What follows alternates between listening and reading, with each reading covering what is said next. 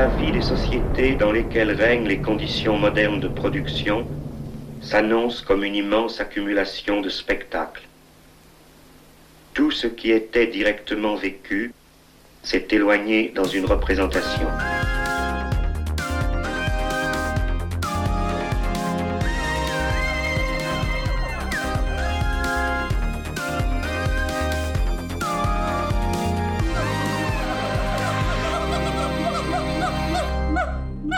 Välkomna till Apans anatomi som är tillbaks efter en omikronpaus. I avsnittet nu så tänkte vi prata om eh, situationisterna. Situationisterna och Guy Debord's teorier. Och med mig för att göra det så har jag Alexander Ekelund och också Mattias Forshage. Ni får presentera er lite själva vad ni är för några. Mattias Forshager, vem är du? Ja, får jag välja själv och presentera det så begränsar jag gärna till vad som är relevant för sammanhanget. Eller vad som kanske inte alls är relevant för sammanhanget. Jag har eh, studerat situationisterna och inspirerats av dem under eh, liksom, ganska många år. Visar sig när jag tänker efter. Men eh, till vardags skulle jag påstå att jag är poet. Och eh, så är jag dessutom biolog och eh, till mitt yrke så är jag um, museitjänsteman. Mm. Och vi har bott ihop i, vad var det, tio år eller något sånt nästan? Ja, många år. Många år, många år. Ja. och läste och diskuterade en del tillsammans. Mm. Och Alexander, vi har ju också på sätt och vis jobbat ihop i lite olika projekt. Vi satt i Centrum för marxistiska samhällsstudiers styrelse ihop och varit med kring syndikalisterna ihop. Ja, det var senaste vi träffades väl säkert i miljörörelsen, motorvägsmotståndet på 90-talet från början.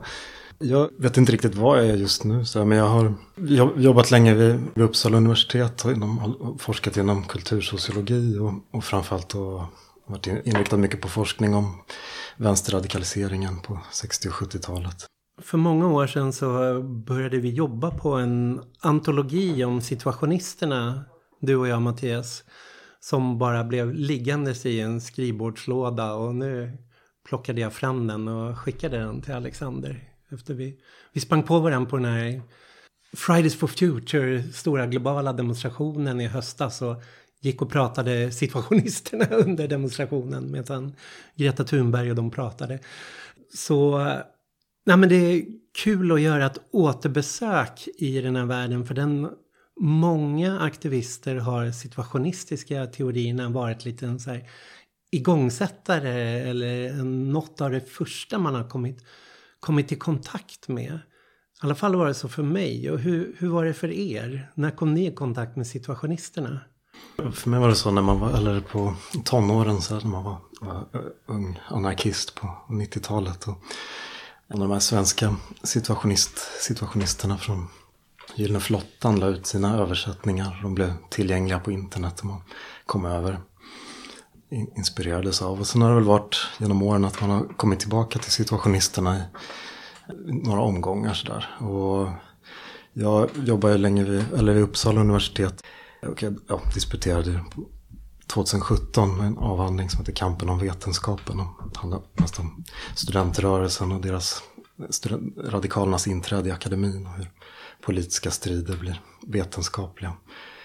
Eh, men sen hade jag liksom ett, lite parallellt med det så hade jag liksom försökt börjat skriva, eller skriva om just Gyllene flottan och de kretsarna. Och eh, som jag höll på med ett bokprojekt för en tio år sedan som som rann ut i sanden.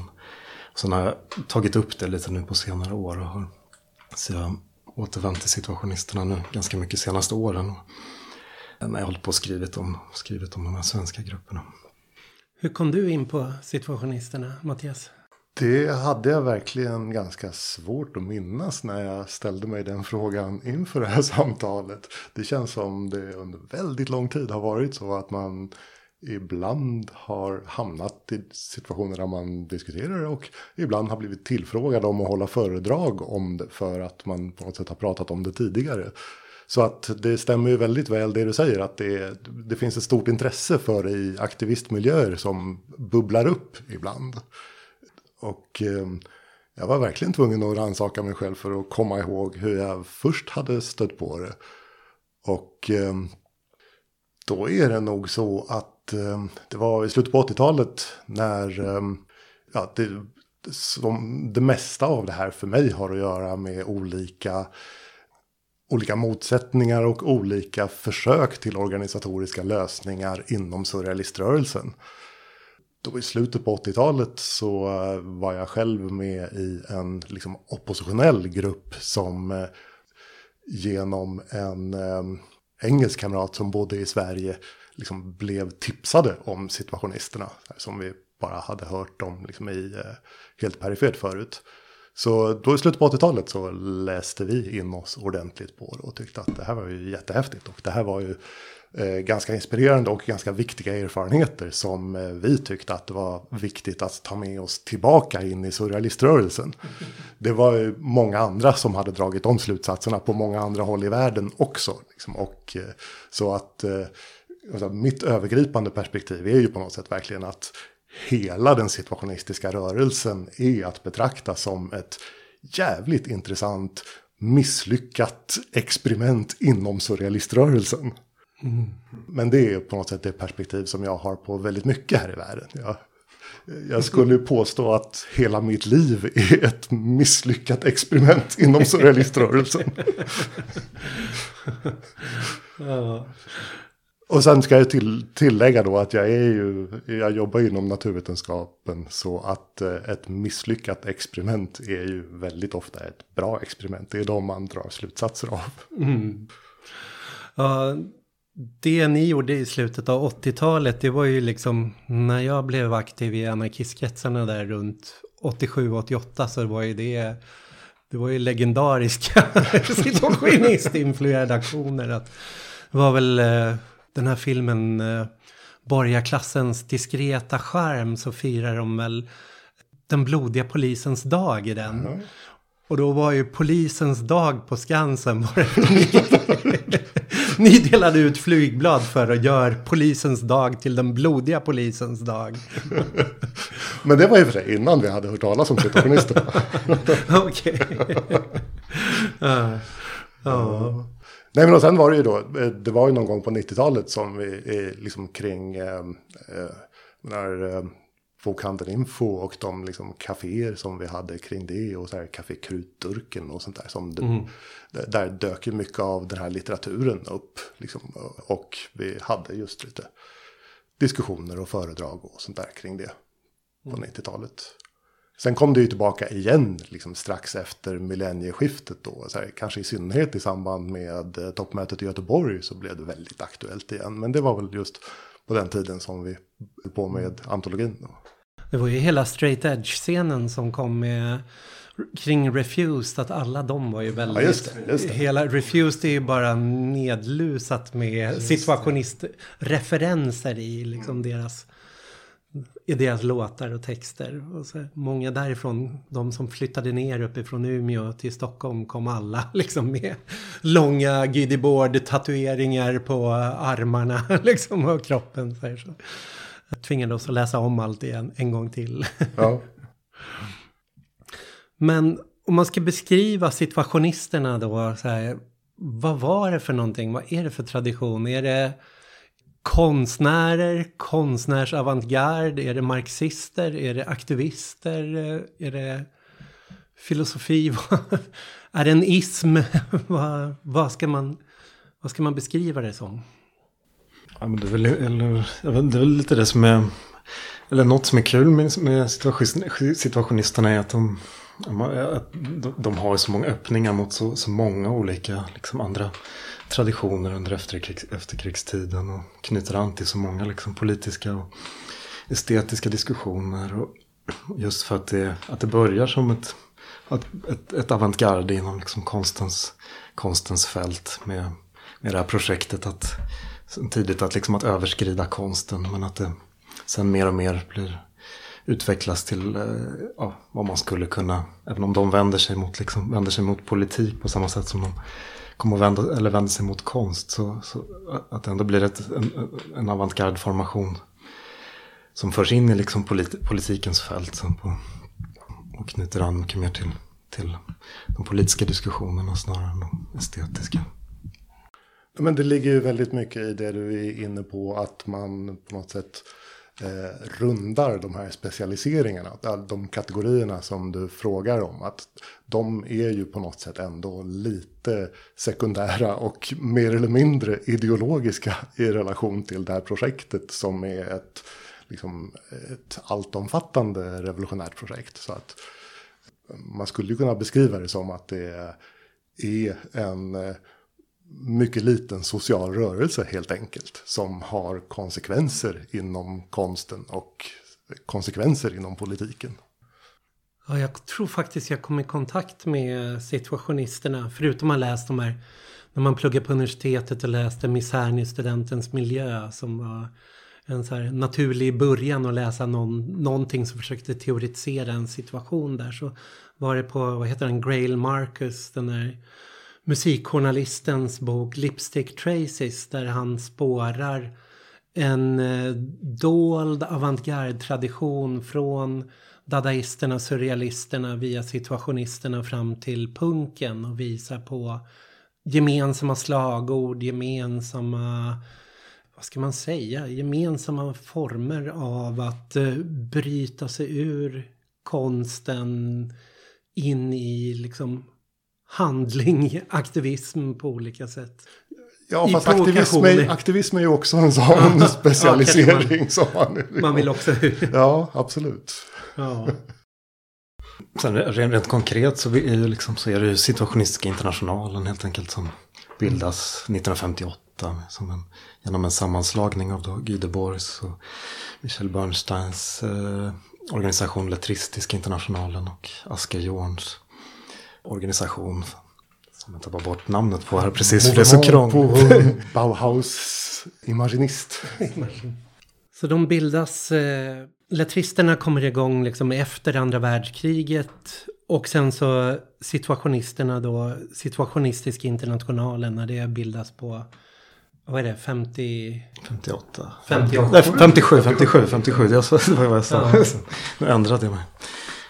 Så börjar de producera en rad tidningar, skrifter, teorier. De har internationella konferenser och de är även uppe i Göteborg och har en av sina konferenser. Och vad, för det finns en skandinavisk koppling här som Just ja, konferensen som hålls i Göteborg då 61 har blivit en symbol för, för liksom eskalerande motsättningarna inom, inom den tidiga, ja, inom situationistiska internationalen. Eh, som kännetecknade de här första åren. Där där det var, i och med att det var en sammanslagning av två organisationer som, som ändå som skulle liksom, det fanns ju en tydlig linje från liksom De Boers projekt inom lettristerna. Men, men det kom in väldigt många andra aktörer som framförallt då rekryterade av, av danske konstnären Asker Jorn som eh, rekryterade många konstnärer och man kan väl säga att det, att det var många personer som drog åt olika håll och man försökte förena liksom de här olika olika tendenserna i de här idéerna om att unitär urbanism, att, att arbeta med, använda olika konstarter och liksom arkitektur eller sociologiska perspektiv för att liksom utforska eh, hur, hur, samhället, hur, hur, man kunde förändra samhället eller hur, hur man kunde förändra vardagslivet helt enkelt. Och det blir liksom en växande spänning mellan de här de, allt större grupp av konstnärer som är med i, i organisationen som man kan säga drar åt ett annat håll än vad än vad, än vad Debord-kretsen gör i viss utsträckning. Men är det med De Boer som de mer marxistiska inslagen kommer in i, i situationistiska internationalen? Det är en jättelång historia. För jag menar, jag, när vi pratar om att det är ett sammanflöde av två rörelser. Så jag menar, ursprungligen är det ett sammanflöde av liksom fem eller sex rörelser. Som, mm. Det var ju den här ALBA-konferensen året innan också. När det var betydligt fler rörelser inblandade. Det var ju så att det var Jorn och några till liksom, som ville samla alla de olika liksom, oppositionsrörelser som hade kommit ur surrealismen men som inte längre ville vara organiserade inom surrealiströrelsen efter kriget. Så mm. Framförallt de flesta kretsar eh, som eh, kom in här kommer ju från eh, Kobra-rörelsen. Och Kobra-rörelsen är ju en direkt utveckling av eh, surrealism revolutionär som är den eh, oppositionella del av surrealiströrelsen som ville vara med i kommunistpartiet och liksom kompromissa med stalinismen. Så att det är liksom stalinism-surrealismen som sen har gått många, många olika konstiga omvägar. Men den danska delen av Cobra, det är ju Asker Jorn som gick direkt in i det här med eh, Mouvement pour une Bauhaus eh, imaginist. Eh, Eh, den belgiska delen har alltid haft liksom gått fram och tillbaka. De har alltid varit så här varit väldigt osams inbördes och skämtat mycket och varit väldigt ironiska. Så att det, där är det verkligen olika delar som har spelat roll i situationisternas tidiga historia. Och sen de holländska kom ju in med, med Konstant också som var en av de viktiga. Ja. Och då blev det också, de, det var liksom motsatt, motsättningar som fanns redan liksom i Kobra-tiden som Absolut. sen flammade upp då i Ja, de första åren av, Ja. av SIs historia med, mellan Konstant, Nivenhusch och, Ja. och Asker Johan. Liksom. Men redan vid den första konkurrensen så uteslöts ju Dautremont som var representanter de belgiska realisterna och hela nukleariströrelsen som var den italienska grenen vid sidan om liksom Jarns kompisar. Så det är en lång historia av olika splittringar, uteslutningar och så. Ja. Men, och mycket av teorierna som situationisterna sen förde fram utvecklades ju redan tidigare, liksom under letristerna och så. Att de, Ja, framförallt underletristerna. Och det var ju också de som var de enda som inte hade varit organiserade i, i surrealismen eller i några surrealistiska nätverk. Utan som var liksom unga och kom så här, direkt från här, sin egen upplevelse av, eh, av att inrätta ett oppositionellt liv i, i den här liksom, i Paris då, där strax efter andra världskriget. Det är ju där, det är ju i, i letriströrelsen som jag skulle säga att de här, verkligen grundläggande erfarenheterna som sen kondenseras till den situationistiska teorin görs. Ja. Och, det är svår, svårt att förstå liksom hur alla hur de här projekten växer fram liksom utan det här liksom efterkrigstidens Paris. Och li, livet i Paris under den tiden. Och,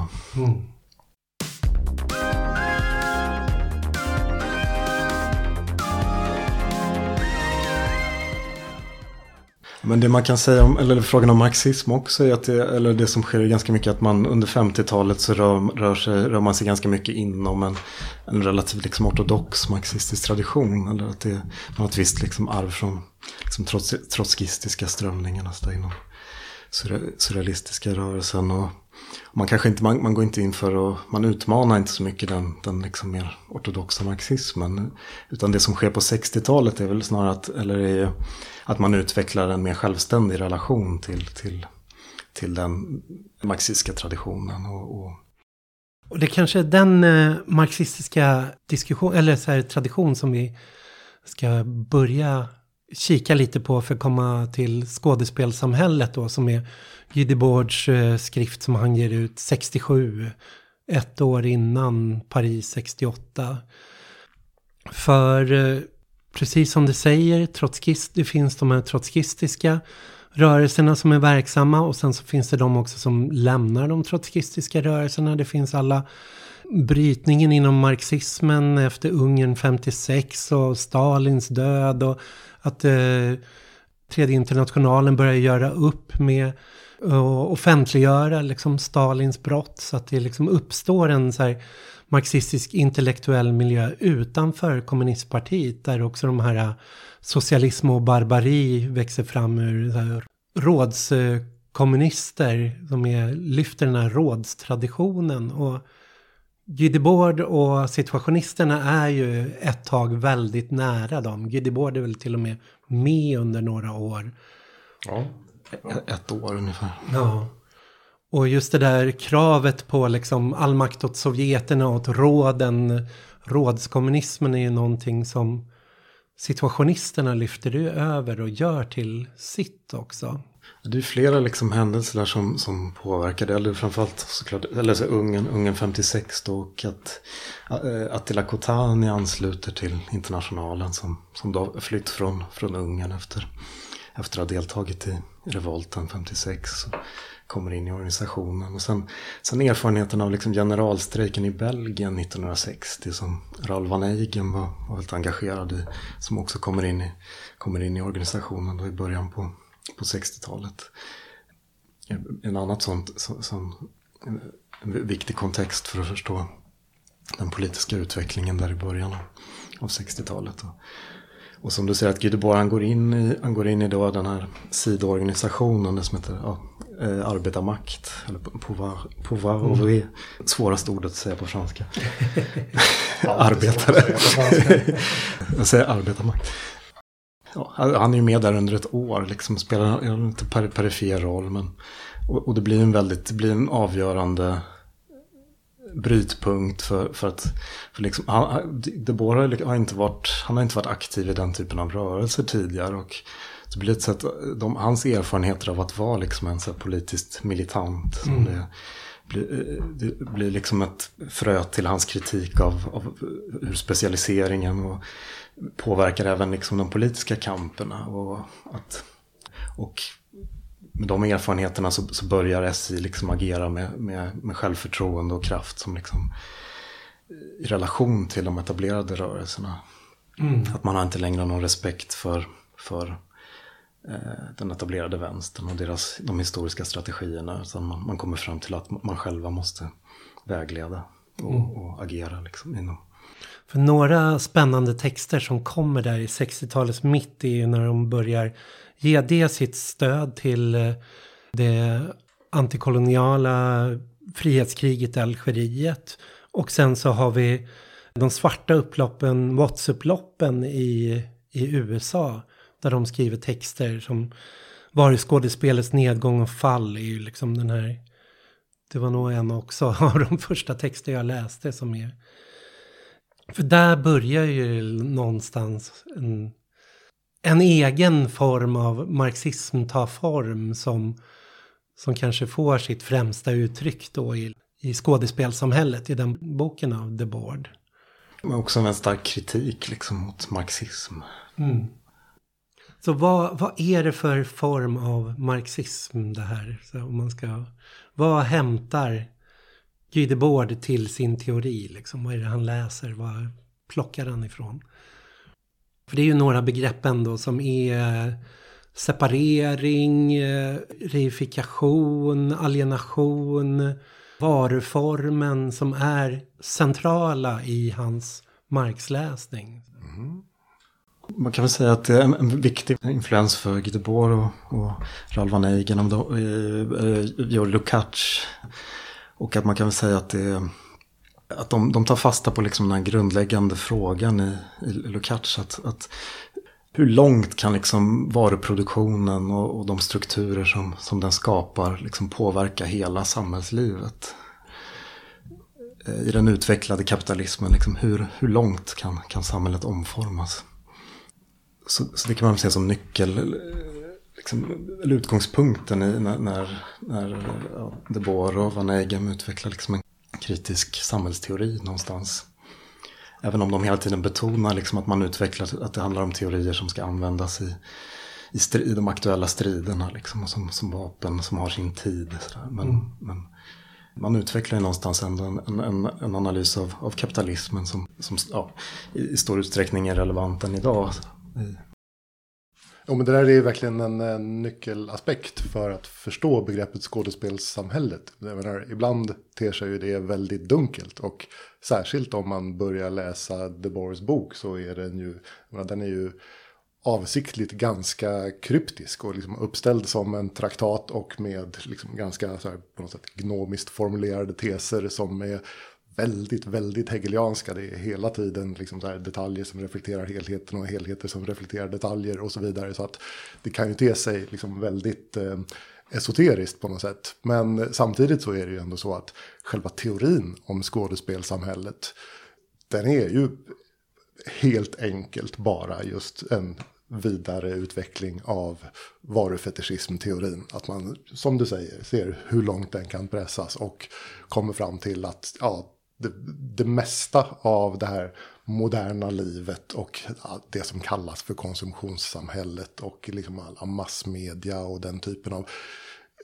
väldigt uppenbara och ganska ytliga aspekter av det här. Som, eh, men att, att det egentligen präglar alltihopa. Så att det, eh, varufetischismen har blivit en generaliserad varuskådespelsfetischism. Ja, Den totala varan mm. som man pratar om. Mm. Jag tror det är viktigt om man, eller om man ska, eller för, för, att förstå liksom, för att de försöker sätta fingret på liksom ett nytt, vad som händer med liksom den utvecklade kapitalismen. Och det är intressant då hur det både ger lite olika tidsangivelser liksom när det här växer fram. Och det, och det, det blir liksom, det är svårt att, att, bestämma, eller det blir löjligt att säga att det året så uppstod spektaklet, liksom, skådespelet. Mm.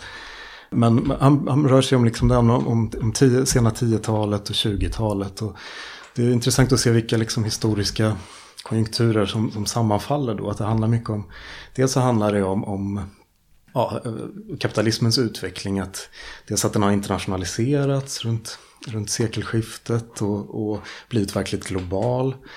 Och att sen också att det, hela framväxten av, av, eh, av konsumtionens betydelse har blivit mycket, blir successivt viktigare. Och att det handlar om liksom inte bara att, att producera varor utan också att producera konsumenter. Liksom. Det är under den här tiden mm. som så PR växer fram. Och att, eh, men sen så det är liksom en nyckel, men det är också vid den tiden där efter, med första världskriget som blir liksom arbetarrörelsens stora nederlag. Och under 20-talet när, när marxism-leninismen segrar och man också fascismens framväxt. Så, så det, blir också, det är också en tid där, där för Debord framstår som att det, att det inte finns några ideologiska alternativ längre. Liksom. Det är då, skådespelet kan, kan man ju tala om som en liksom ideologi förkroppsligad och det blir, det blir liksom en dominerande en dominerande ideologi och det, det finns inga verkliga alternativ längre efter utifrån då en, en kritisk analys av, av Sovjetkommunismen och mm. eh, arbetarrörelsens utveckling. Utan att det just, det,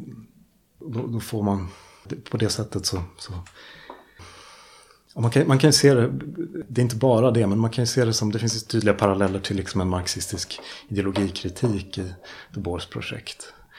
Även om man själv inte liksom definierar ideologi så tydligt. Men... Mm. Ja, fast det spelar ju jättestor roll i, ja, i hela ja. den situationistiska teoriutvecklingen. Ja. Just att man använder ideologi i den strikt marxistiska bemärkelsen. Vilket de flesta andra inte riktigt gjorde. Ja, man läser liksom de här manuskripten som ja. har brukat sammanfogas som den tyska ideologin. Och som mm. blir en väldigt viktig influens då som man gör sina läsningar av. Och man ja, man kan se det som någon slags ett materialistiskt ideologibegrepp som, som föregår altusarianernas ideologibegrepp som, som får stor betydelse från 70-talet och mm. framåt. Det är också då de skrifter du pratar om där alienationsbegreppet kommer att hämtas och få en mer central roll för sen hela den nya vänstern. Alienationsbegreppet. Mm. Även om den är liksom närvarande i kapitalet så där pratar ju Marx mer om han har nästan släppt alienationsbegreppet och pratar mer om varufetischismen. Mm. I relation till Lukács så är det intressant på det sättet att de gör, att de gör i princip tvärt emot. Liksom att, att Lukács försöker rekonstruera liksom Marx idéer om alienation utan mm. att ha läst ungdomsskrifterna utifrån kapitalet. Och Guy Debord närmar sig kapitalet utifrån liksom ingående studier av Marx ungdomsskrifter. Vilket också kan man se som nyckeln till att förstå de stora skillnader som finns liksom mellan Lukács och, och situationisternas analyser. Mm. Också. Så varan, fetischism och alienation, om man bara ska snabbt förklara det enkelt så, ja kanske inte är så enkelt att förklara men hos, hos Marx så när han eh, diskuterar kapitalismen så börjar han ju hela kapitalet med att utgå från varan. Det är där liksom kapitel ett i kapitalet. Där han börjar för att liksom sen bygga upp sin beskrivning av eh, av kapitalismen. Så att det, det blir liksom... Eh, man kan väl säga att det är, inte, det är inte grunden i kapitalismen men det är hans framställning utgår från den. Och att i den kapitalistiska produktionen så är dels att vi inte äger produktionsmedlen men också att det vi producerar blir skilt från oss själva. Det blir någonting, vi producerar det åt någon annan genom att vi går och lönearbetar på en arbetsplats, en fabrik, tillverkar en vara som vi inte får utan vi går därifrån och får en lön. Så varan kommer tillbaks till oss genom att vi, vi får köpa den med pengar och varorna i utbytet mellan varor som är liksom man kan säga medierat genom pengar så ingår ju mänskligt arbete så att det finns en social relation där arbete förbinds med varandra. Men det där arbetet förbinds genom varuformen och utbytet. Och det innebär att det liksom framstår inte som vi har ett utbyte mellan människor, att det är en social relation mellan människor, utan det framstår snarare att vi är något som köps och säljs och eh, varorna får ett eget intresse, de får som ett eget liv eller liksom ett eget, de har som ett eget värde i sig. Att det är inte relationen mellan arbetet som är värdet i dem utan värdet är som någon, framstår plötsligt som en e, inneboende egenskap i de här varorna. Liksom, varorna blir transcendenta liksom utanför oss själva. Och där kommer ju liksom den här varufetischism-teorin in. Liksom. Och det här är inte heller någon form av så här falskt medvetande i någon så här vulgär form. Att det bara gäller att inse att så här är det. Om vi bara genomskådar den här bluffen så, så kan vi knäcka den här nöten. Utan det är så det måste framträda i kapitalismen. Mm. Och det är ju där sen då Guy Debord drar uppväxlarna någonting enormt på liksom och överför. Ja men precis, för i teorin på den nivå som du beskriver där handlar det ju ändå om det som produceras i lönearbetet. Mm. Att det liksom där tar bruksvärdet förändras till bytesvärde och det blir någonting som är helt utanför ens egen kontroll och inte längre är en del av en själv och av ens verksamhet. Och det som teorin om skådespelsamhället utgår ifrån är ju att det här inte bara gäller det som produceras inom lönearbetet utan det som eh, produceras i samhället överhuvudtaget. Liksom, hela samhället själv och liksom folks liv. Att det på samma sätt är någonting som blir åtskilt från folk själva och främmande för dem i en viss mening. Vad är då skådespelet så att säga? För att jag vet, det finns väldigt många vulgärläsningar sen av skådespelsamhället där man har det finns i USA till exempel den här tidningen Adbuster som är väldigt situationistinfluerad som går ut på på olika sätt ta reklam och vrida reklamens budskap i andra riktningar. Och det finns andra inom kultur och konst och så som pratar om det här liksom som det här är, det är media, det är liksom det är kulturen som är skådespelsamhället. Men Gydebord menar ju inte så snävt utan han menar ju någonting mycket bredare med det. Ja, det finns ju de som håller på med teater som tror att det är teater det handlar om också. Liksom. Jag, jag har alltid haft det lite svårt för att, just att, att, man valde, att man översatte det till skådespel. För att det, just, det får sådana, det har en sån tydlig vardagsspråklig mening. Och att det är så lätt att man tänker det är någon som spelar upp någonting. Det finns någon, mm. och eh, ja, vilka är, det finns skådespelare, det måste finnas någon regissör. Och, Eh, och jag vet, inte, jag vet att Donald Nicholson Smith som var engelsk situationist och som översatt mycket av texterna till engelska. Vet i någon intervju han pratade om att de, att de övervägde det när de skulle översätta det till engelska. Att kalla det för show eller något liknande. Liksom. Mm. Men, men, att de valde då spectacle. Och jag kan, kan, sakna att man inte gjorde det på svenskan också. Även om att det, det är lite, det är lite diffusare begrepp och det har inte de här. Speciellt inte i relation till sådär, hur det används inom film, filmteori. Att, man slipper den här, att tänka att det ska finnas ett narrativ bakom. Utan det är någonting som bara suger, en, suger in en, ens uppmärksamhet. Eller det blir, man kan, man kan läsa, förstå det på det sättet. Även om spektakelsamhället hade låtit väldigt fult. ja, ja det, det, blir mycket diffusare just för att, inte minst för att det saknar den här vardagsspråkliga betydelsen. Och jag menar, skådespelsamhället det anknyter ju, jag menar, på svenska kan man ju säga att det anknyter väldigt tydligt till eh, det romerska samhället med bröd och skådespel och mm. den typen av ideologianvändning. Ja. Verkligen. Det är också bakgrunden till att man valde eller att det skulle ja. vara i linje med den bröd och skådespel. Precis. Det både definierar i, i, i, boken så, så pratar han om det på, på tre nivåer. Att Skådespelet framställer sig på en och samma gång som själva samhället, som en del av samhället och som en enande kraft. Det är, liksom, det är dels avgränsade fenomen liksom, i samhället som, som då kan vara inom media eller reklam. Eller, men sen är det också, sen är det också hela, alltså hela ja, den totala varan eller liksom hela ja, skådespelsamhället.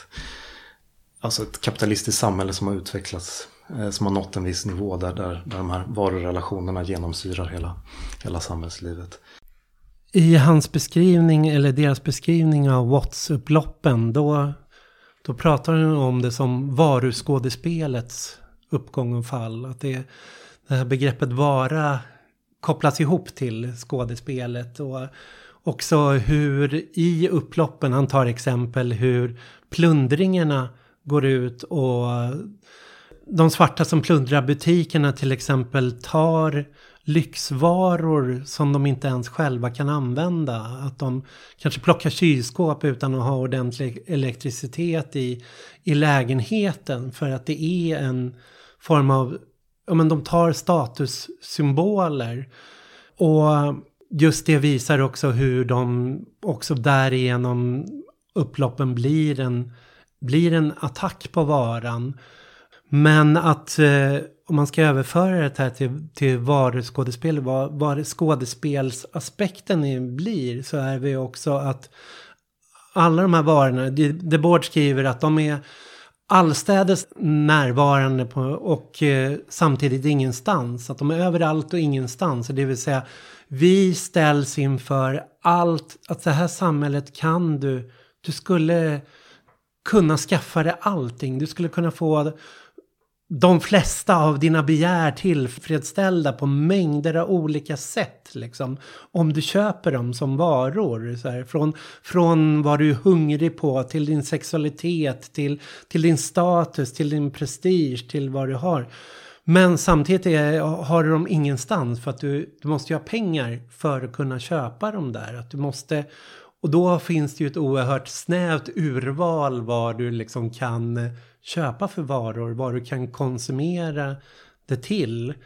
Och i upploppet så det som sker i upploppet är då liksom att de allt det där som vi överdränks med i reklamen, de livsstilarna som man ska ha för att vara framgångsrik, försöker man ta sig liksom utan att ha, ha de pengarna.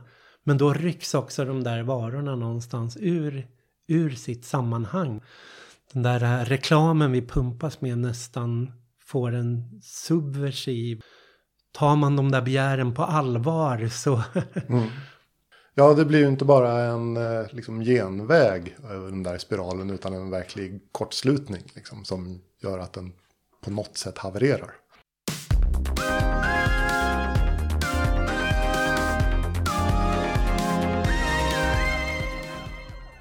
Om jag får dra tillbaka samtalet till mm. någonting som jag vill prata mer om är ju just den här eh, att det utgår så mycket från erfarenheten av att eh, leva kan vara någonting annat än, än den här, det som är präglat av den här eh, skådespelsformen. Och just den erfarenheten som för många av situationisterna då var någonting som de i väldigt hög grad levde under letristtiden och eh, kanske i mindre grad senare. Men eh, som ändå på något sätt understryker att det, att det handlar om att det, är en erfarenhet som finns i botten där. Av att man, som gör att man kan föreställa sig där livet som någonting annat. Och som framförallt gör att man hela tiden har med vardagslivet. Både som ett här, generellt fokus och som ett begrepp i, i den här teoribildningen också. Och eh, det integrerar man ju också då i eh, teorin om skådespelsamhället och med de marxistiska komponenterna där på ett sätt som många marxister inte gör verkligen. Och det är ju en av de saker som gör att de här idéerna kan kännas väldigt aktuella på något sätt varifrån man än närmar sig dem och vid vilken tidpunkt det än är.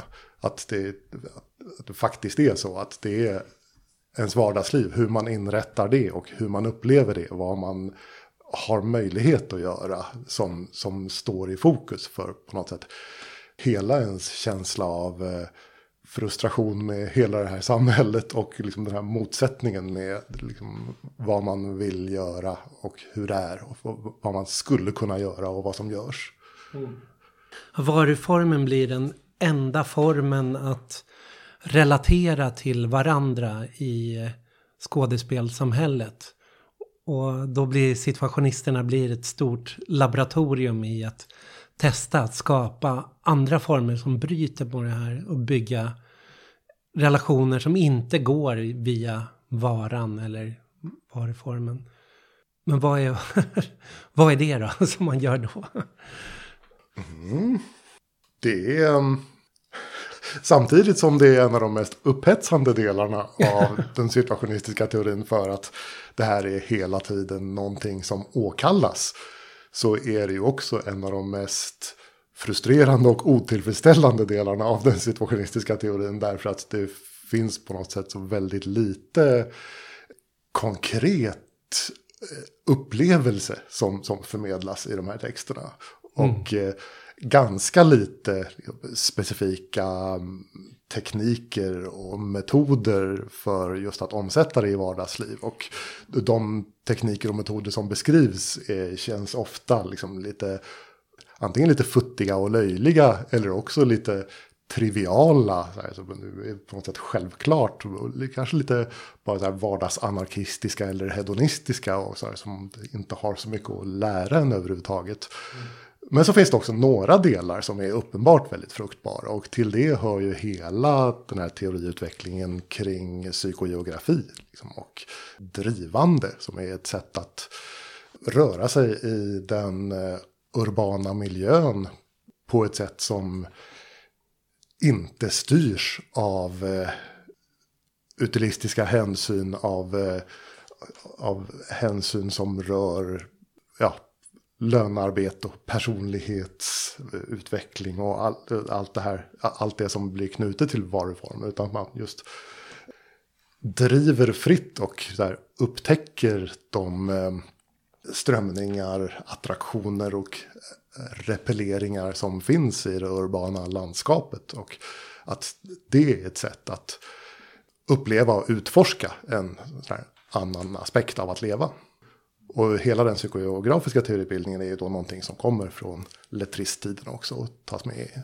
Ja, men visst, det känns som, eller något som alltid kommer vara som, någonting som man kan återvända till och liksom inspireras av av situationisterna i den, det avseendet. Även om det inte går att, även om det idag inte kan fylla samma funktion som det gjorde för dem på, på 50-talet. Och, eh, men, att, men bara, bara den insikten att, att, att, att, att ta sig tid att, liksom, att förlora sig i, i staden. Eller, att, för dem var det viktigt just ofta när de hade, gjorde sina derivs att det skulle vara under längre perioder. Liksom, när man tappar, det blir, man skapar en viss desorientering och man kommer in i något, något tillstånd där man flyt, liksom, rör sig fritt. Och, och, och, det är väl någonting som skulle kunna behöva komma tillbaka idag bara i största allmänhet. Även om det inte är kopplat till ett revolutionärt projekt. När, när människor sitter instängda framför sina datorer. Liksom, men att bara dricka och ta droger och vara uppe hela nätterna och utforska, utforska, sina, utforska den städ, stadsrummet.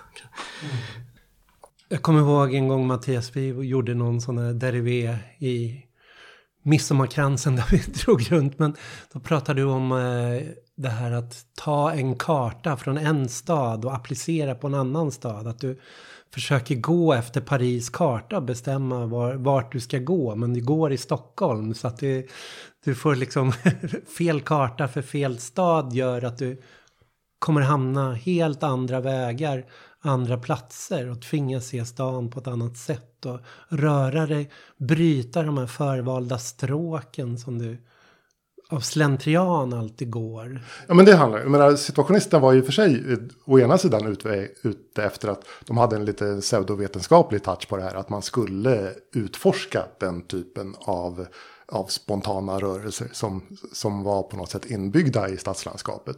Men det handlar ju också väldigt mycket om att bryta mot dem och här, upptäcka vad, vad, som finns vid sidan om.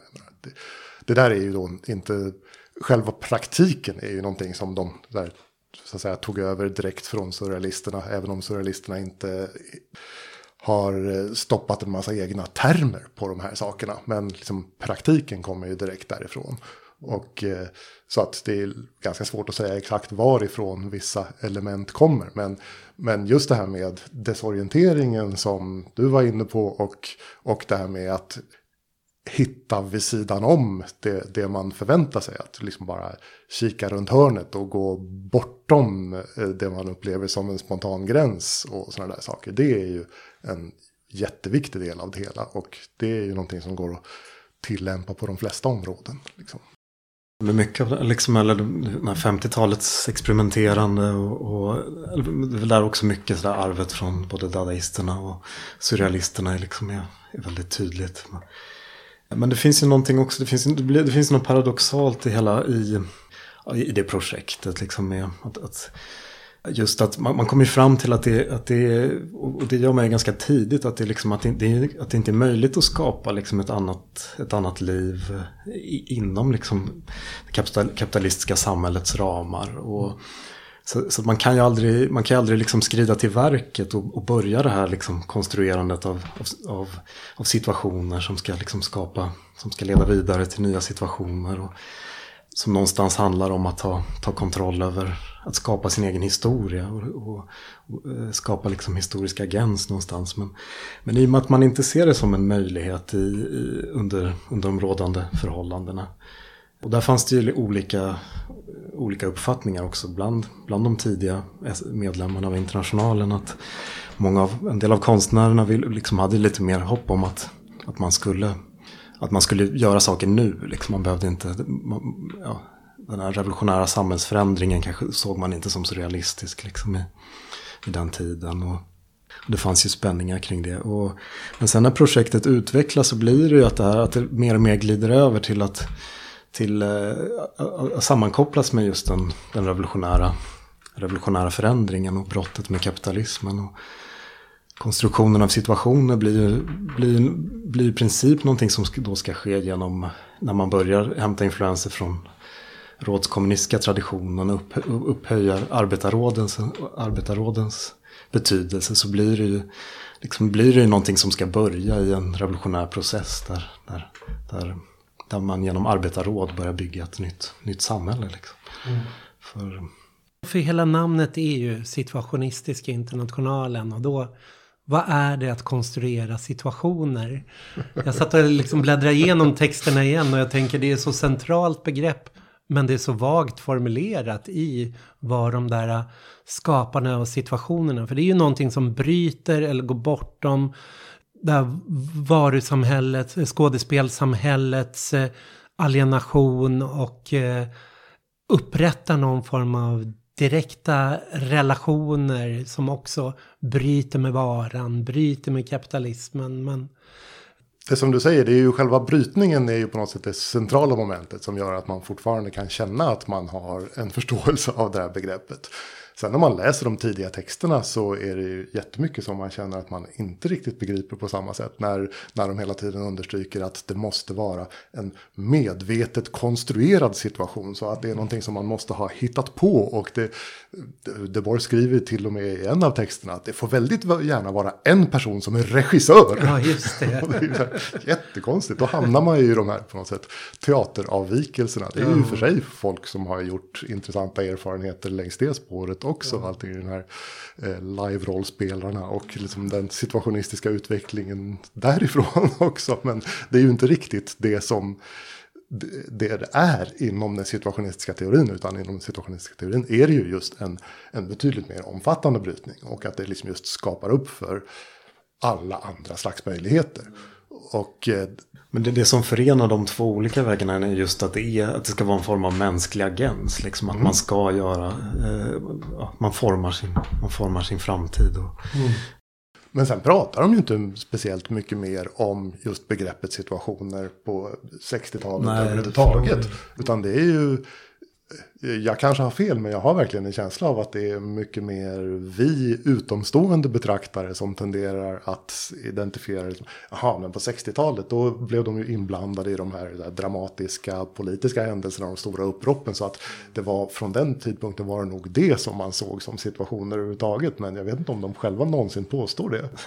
Nej, nej, nej. De, de skriver i princip aldrig om att de har, på, att de har liksom konstruerat situationer. Nej. Det är ju allmänt, mm. det, det är någonting man arbetet handlar om att liksom förbereda inför det. Liksom. Mm. Och, eh, men sen själva begreppet har ju dels, eller det blir tydligt i de tidiga, att det blir ett sätt just i den här övergången från att, att man, man ska inte producera konstverk. Liksom. Det är inte det, man ska inte bli ett nytt konstnärligt avantgarde som ska liksom föra fram en ny estetik och producera nya verk. Utan det handlar om att förändra vardagslivet. Liksom, genom att använda verktyg från och erfarenheter från de tidigare avantgarderna. Och, och och, och då, där fyller ju situation, begreppet situation en tydlig sån koppling. Liksom, vi ska inte skapa konstverk, vi ska ja, konstruera situationer. Mm. Och, så, så, så det, men, men det är ju som ni säger, det är ju svårt att sätta fingret på exakt vad det skulle vara. Och det, det ligger väl lite i, i då begreppets natur. Att, att, det, att det går inte att se det förrän, förrän verkligen man är mitt i en, en mm. pågående samhällsförändring. Men sen, sen har ju begreppet också rötter i, eller det är ju den tidens filosofiska diskussion och arvet, eller liksom betydelsen av existentialismen vid den tiden. Att det, att det är ett begrepp som, som har en central betydelse hos Sartre. Att, det, mm. att livet består av en serie situationer. Att det är i de här specifika situationerna som man har frihet att välja.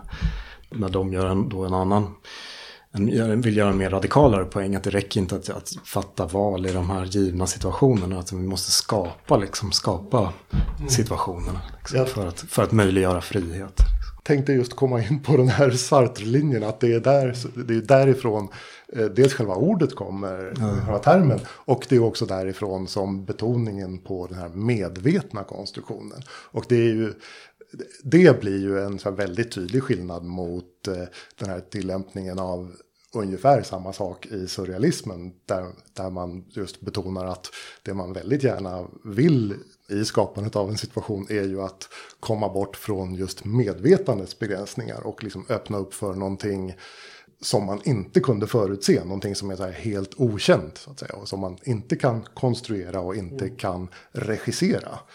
Och där, jag tycker att det är på något sätt också är en del av det situationistiska spektrat för att det liksom i praktiken kommer det ändå att handla om det därför att eh, Särskilt om man tänker på de politiska tillämpningarna i, i upploppssituationer. Där är det ju verkligen de är ju verkligen inte medvetet konstruerade på det sättet. Och det är ju ingen som har kontroll över dem. Utan det handlar ju väldigt mycket specifikt om att man öppnar upp ett större möjlighetsfält och man sätter igång en dynamik som ingen kontrollerar. Mm. Man måste väl förstå hela situationsbegreppet att det ställs mot en dogmatisk marxist tradition där det är revolutionen kan bara inträffa när de materiella förutsättningarna är rätt och all form att liksom inleda det tidigare, någon form av eh, adventurism, äventyrs, eh, ställa saker på spel liksom. Och det finns alltid ett kairos, ett, en rätt tidpunkt att agera. Och kommunistpartiets uppgift är att se när den där tidpunkten är. Så att det är inte rätt att kräva generalstrejk igår, det är inte rätt att kräva det imorgon nu. Men idag är det rätt, liksom som Rosa Luxemburg kritiserar anarkisterna för. Liksom, att de trodde generalstrejk kan vi kräva jämt, liksom. det är alltid rätt krav att ställa. Bara, nej, det finns ett rätt tillfälle att ställa det. Medan situationisterna då försökte ju snarare se liksom att varje, varje tillfälle liksom går att skapa någonting av. Det går att skapa en situation. Det går att konstruera en situation i den här händelsen, i den här vardagen, i det här liksom livet. Det är inte att vänta på rätt förutsättningar. Och även om de inte teoretiserade så mycket så måste man ju ändå säga att det där är största arvet från dem. Speciellt genom alla grupper de bröt med och uteslöt på olika sätt. Liksom de, här, de kallade för prositus. Liksom som de eh, på olika sätt slängde ut. Och det Gidebord inte ville ha att göra med. Men om man tänker på liksom Malcolm McLarens gäng i London som hur de eh, utnyttjade Sex Pistols och punken för att skapa liksom en stor skandal och riva i någonting liksom i, i London eller hur de här grupperna i New York och USA liksom kring Up Against the Wall, Motherfucker och en Black Mask, hur de också gick in i hippisarnas massprotester och försökte vrida upp militansnivån eller konfrontationsnivån. Istället för att meditera runt Pentagon så Pentagon skulle lyfta så tog liksom de och bröt sig in och stormade, började slåss liksom med soldaterna som vaktade Pentagon. När sporgruppen som uteslöts i Berlin som blev rötterna till eh, de här Kommune 1, kommun 1, de här kollektiven där det blev de här omkringvandrande haschrebellernas centralråd. Och sen fick vi liksom provorörelsen i Holland som också byggde väldigt mycket på deras vita planer. Nu skapar vi en vit plan där vi bryter upp alla cykellås och målar alla cyklar vita. Vi målar dörrar på alla tomma hus vita så alla vet att man kan gå in och ockupera dem. Att det... Väldigt mycket av det där behöver man ju verkligen inte någon särskild situationistisk teori för. Men, utan det, det är ju bara ett sätt att på något sätt förvalta inspirationen av att, att man föreställer sig verkligen radikalt andra möjligheter och, och vill genomföra en radikal brytning med just på något sätt vardagslivet som scen. Så att, eh, Men det går ju stick i stäv med liksom den eh, ja. marxistiska traditionen. Ja, ja. Att det blir... Det anklagas ju för så här, anarkistiska avvikelser eller kan skjuta in också att spårgruppen var ju faktiskt baserad i München och det var okay. en liten satellit till dem som blev Berlin sen. Okej, okay, så var det. Samtidigt som också att den där liksom strategiska aspekten var ju också central framförallt då för De Boer. Att det, man säger, om man, man, man, man, man liksom studerat hans arkiv så har han ju liksom, han jobbade ju väldigt sådär väldigt noga med kartotek och så an, små antecknings, anteckningskort när han läste. Och han hade liksom sina liksom ganska stor del om, en stor del om Hegel och en stor del om Marx. Men i jämförelse med anteckningarna av liksom Clausewitz och militärhistoriska texter så var det mycket mindre. Mm. liksom så det, fanns ju, och det finns ju mycket där, alltså att det gäller, det gäller att liksom känna av tidens, vad som gäller i tiden och agera hitta sätt, hitta möjligheter att agera. I. Så den strategiska dimensionen finns ju mycket hos situationisterna i jämförelse med kanske det, vissa former av anarkism. Där, det, där man bejakar alla former av, av motstånd. Ja, boken Skådespelsamhället känns ju väldigt formad av det där kartografisättet att skriva. Att han har suttit med sina kort, läst kapitalet och sen så skrivit en variant på det. Och sen efteråt sorterat korten i små högar efter teman. Och numrerat dem och så har det liksom blivit en bok. Ja. Nej, men det är ju det är en bok som är till största delen består av liksom detonerade, detonerade fraser hämtade från alla möjliga olika håll. Så att det, och detonering är? Just ja, det har vi inte kommit in på här än. Detonering och rekuperering. Mm. Det är också centrala begrepp vem vill ta?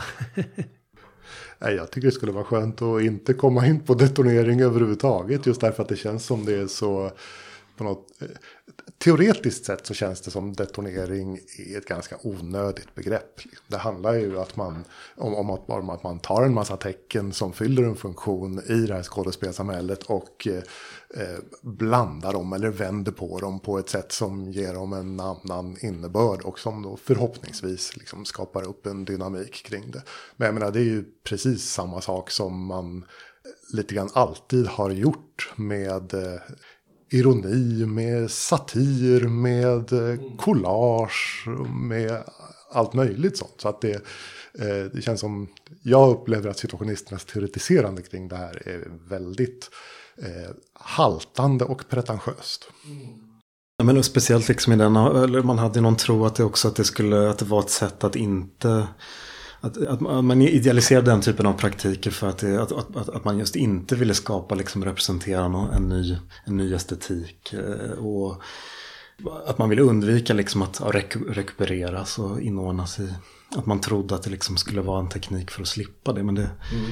det men det kan man väl säga att det visade sig, eller det, det, det räcker, räcker inte för det riktigt. Man kan väl säga att det är den situationistteori som har blivit mest rekupererad historiskt. Ja, hur, hur den har liksom kommit och fogats in. Jag bara tänker hela så här memkulturen ja, på internet visst, idag. Visst.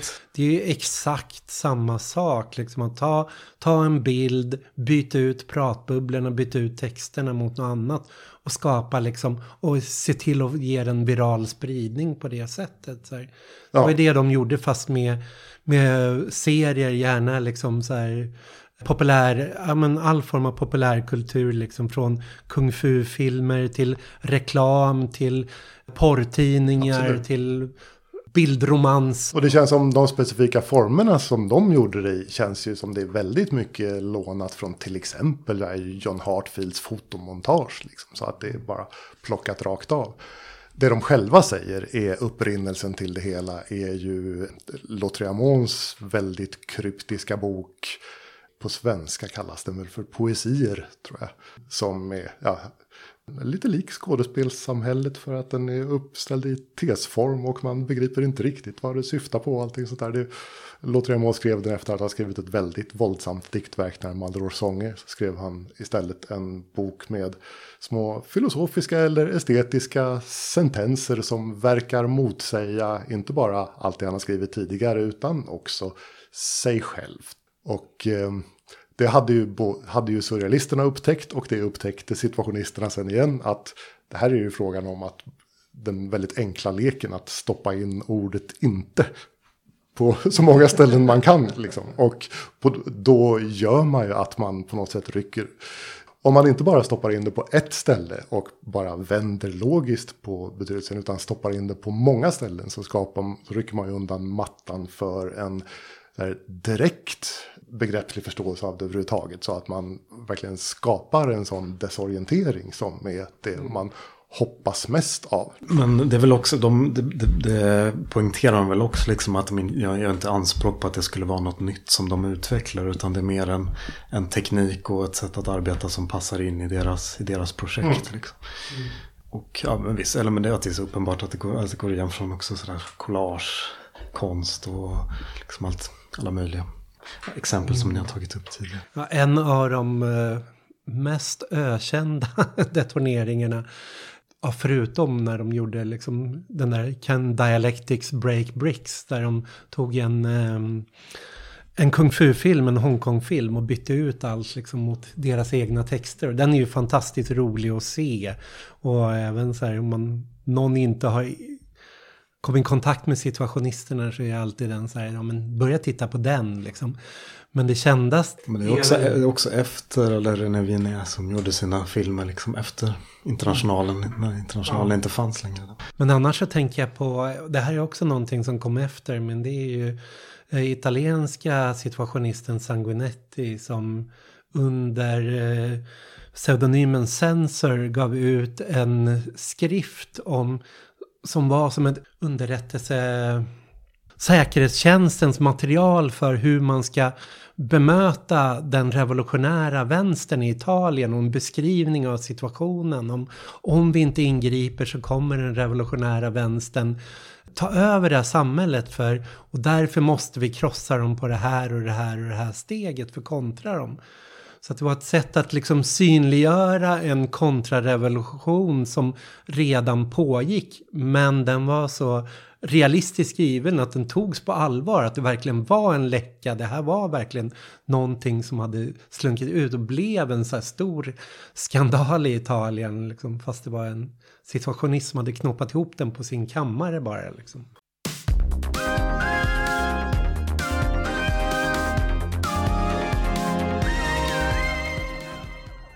Nu har vi pratat mycket om de här teorierna lite utifrån sin historiska kontext och så. Vi har skippat att nämna hela Paris 68 och så den roll situationisterna hade Oj, där. har vi inte nämnt det ens? Nej, och det varenda... Revolterna på 60-talet har vi Ja. nämnt vid några tillfällen. Jag gjorde faktiskt en liten sökning för att se liksom så här podcast om situationisterna och alla heter ju situationisterna och Paris 68. Paris 68 och liksom det är den ständiga kopplingen som görs. Så de fick sin berömmelse. Liksom, Ja. att det, och de fick ju stor betydelse för den franska studentradikaliseringen. Så där, om än ganska indirekt.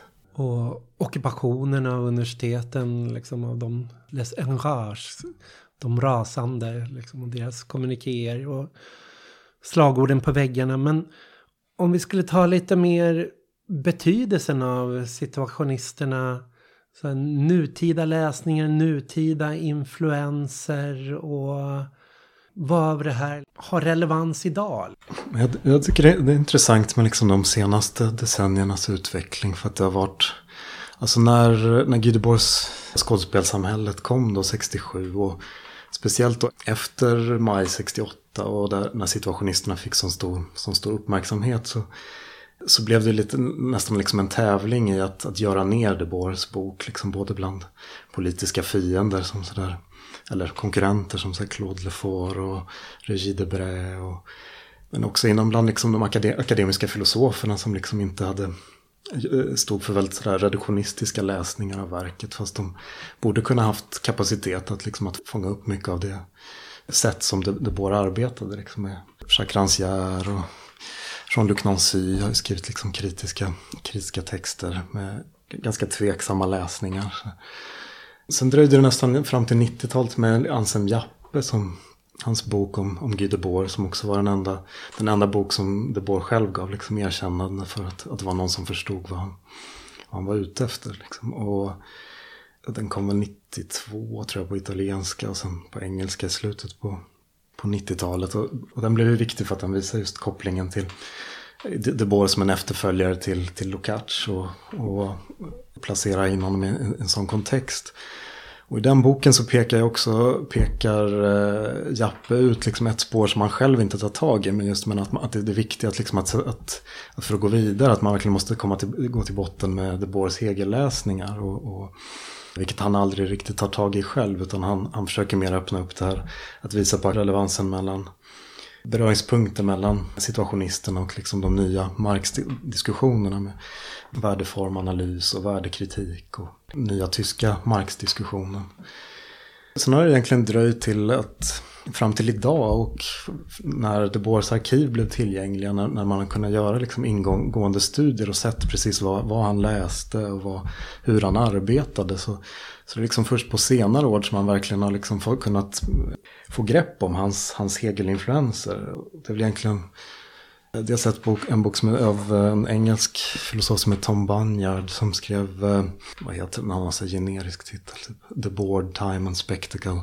Som har ganska övergripande liksom, och väldigt, liksom går igenom hela, både SI men framförallt The Board, men, men Hegels betydelse för The Board i stort, just då med fokus då på, på att eh, återerövra liksom en, en mänsklig historisk agens. Återvinna historien. Och så kanske det allra viktigaste, viktigaste verket är en, bok som kom ut i, förra året som heter av en eh, amerikansk filosof som är verksam i, i Frankrike som heter Eric John Russell.